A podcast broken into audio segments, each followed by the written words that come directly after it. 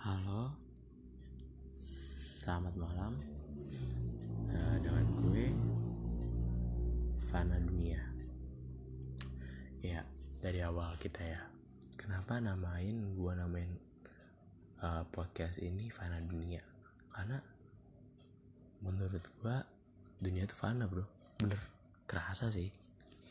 Fana banget kayak kayak lu lagi jalan, lu tuh masih yang kayak oasis itu loh yang di padang gurun.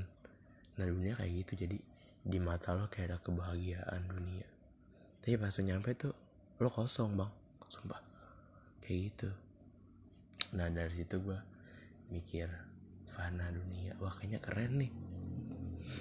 Sebelumnya sih emang gue ada referensi nama. Uh, tadinya gue ada namanya sahabat fana. Tapi kayaknya aneh ya sahabat-sahabatan. Udah nggak zaman gak sih sahabatan gitu? Oke perkenalan nama diri dulu ya. Gua Adi. Gua siswa kelas 3 SMA dari sekolah swasta Islam di daerah Bogor. Ya ini pak.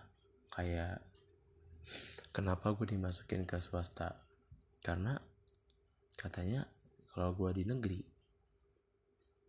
gue gak bakal jarang sholat. Soalnya kan kayak agamanya kan kurang tuh kalau di negeri.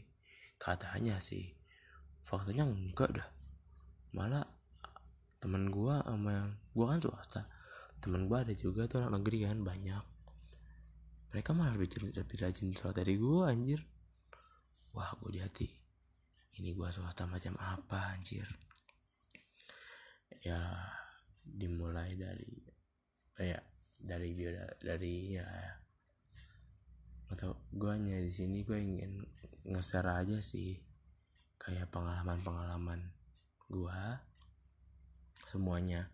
Masalah remaja masalah kehidupan masalah horor terus masalah apa lagi ya pertemanan percintaan pokoknya semuanya deh kan gue bahas.